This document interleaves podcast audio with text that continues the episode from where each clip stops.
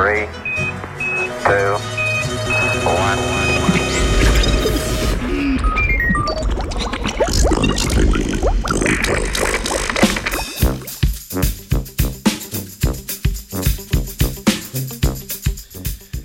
Nobelova nagrada za medicino 2015. Do lastne znanstvene objave že za 20, 200 dolarjev. Ne, dolarjev.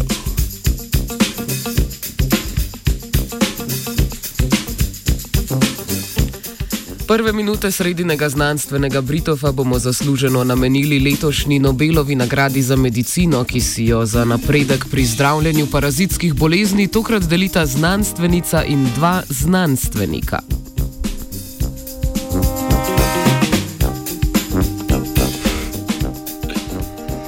Mikrobiologa, japonec Satoshi Omura in irec William C. Campbell sta v 70-ih letih prejšnjega stoletja odkrila avermektine, iz katerih so razvili učinkovino ivermektin.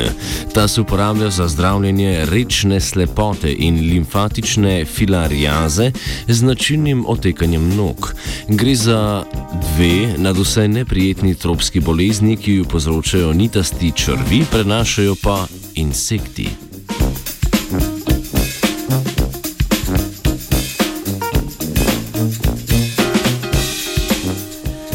Vse se je začelo, ko je Omura kot navdušen golfist v bližini igrišča v vzorcih prsti našel bakterijo Streptomyces, ki proizvaja številne protimikrobne snovi. Ko je vzorce poslal na Merkov inštitut v New Jerseyju, je Campbell iz bakterij izoliral omenjene avermektine. Odkritje je bistveno izboljšalo kvaliteto življenja prebivalcev Latinske Amerike, Afrike in Indije.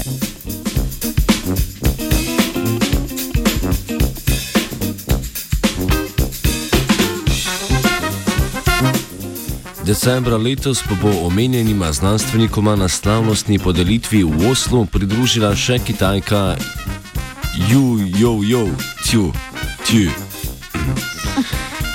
Slednje je konec 60-ih let v okviru tajnega državnega projekta proti malariji, ki je pustošila po Vietnamu, iz vrste pelina izolirala kemično čisto spojino artemisinin. Iz učinkovine so razvili celo, celo vrsto antimalarikov, s katerim se danes zdravimo.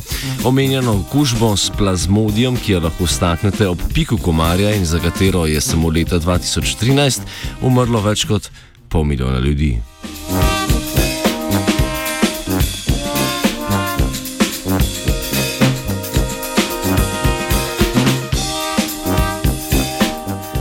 Farmacevtsko znanje, združeno s tradicionalno kitajsko medicino, v kateri se uporablja pelin, je tako privedlo do pomembnega medicinskega napredka.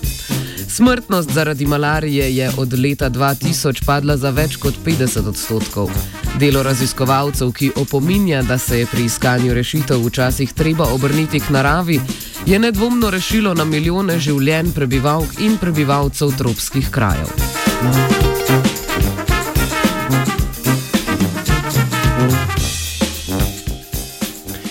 Senco na dosežek meče le negodovanje kitajske znanstvene srednje, ker je ne novo pečena Nobelovka že pred leti vse zasluge za odkritje pripisala zgolj sebi, ob tem pa pozabila na svojo raziskovalno skupino. Kljub vsemu velja omeniti, da je znanstvenica prva kitajka, ki so ji podelili Nobelovo nagrado.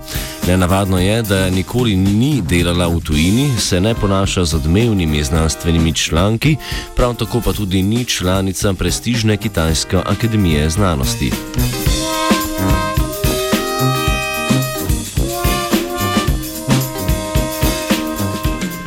V znanosti pa se ne dogajajo le hvale vredne stvari, kot so znanstvena odkritja, za katera se podeljujejo Nobelove nagrade.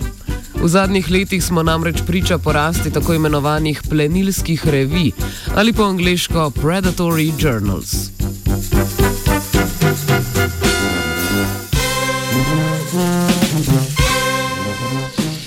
Če želijo znanstveniki in znanstvenice rezultate raziskav objaviti v ugledni znanstveni reviji, so morebiti bodoči članki podvrženi temeljitemu procesu dvojno slepe recenzije. Vsak članek je pregledan strani strokovnjakov, odgovornih za neko področje raziskovanja. S tem se zagotavlja visok nivo kvalitete objavljenih znanstvenih del, saj morajo morebitni avtori in avtorice članke seveda tudi popravljati pred objavo. Primera takšnih revij sta na, na, na denimo Nature in Science.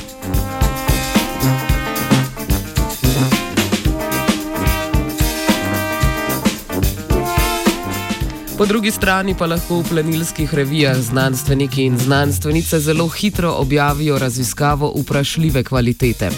Hitrost objave zagotovijo kar plenilske revije same, saj znižujejo standarde potrebne za objavo.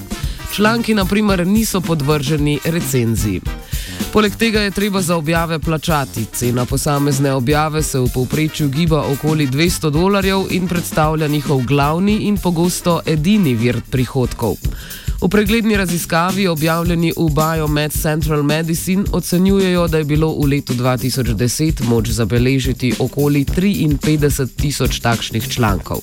Pri tem je ocena za leto 2014 narastla na okoli 420 tisoč.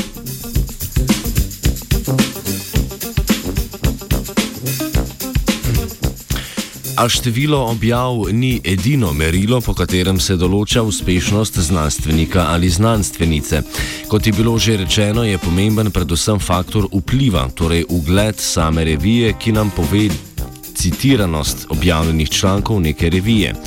Za plenilske revije se faktor vpliva največkrat sploh ne meri, saj morajo zato tudi same revije dosegati določene standarde. Članki v takšnih revijah torej ne prispevajo k razvoju znanosti, saj njihova dognanja niso nikoli ponovljena ali uporabljena v nadaljem raziskovanju. Prav zaradi tega se veliko krat splača tudi preveriti verodostojnost revije, v kateri je bil objavljen članek, članek ki ga prebiramo.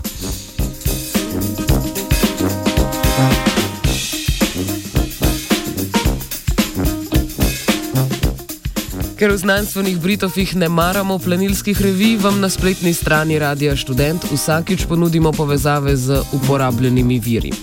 Trudimo se, da ti ne izhajajo v revijah dvomljive kvalitete. Da pa se sami ne bi znašli v takšni zagati, vam tokrat na spletni strani ponujamo tudi seznam morebitnih plenilskih revij, ki ga je sestavil Jeffrey Beale, knjižničar z Univerze Colorado v Denverju.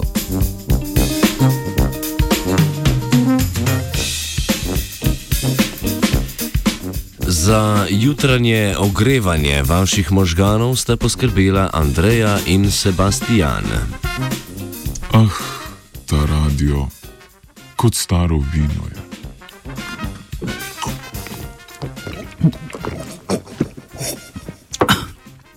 Za danes. Sem jaz to prav prebral? Yo, yo, yo, radio študent. Loop, baby. You gotta get this loop. Go back in the, yo, remember back in the days?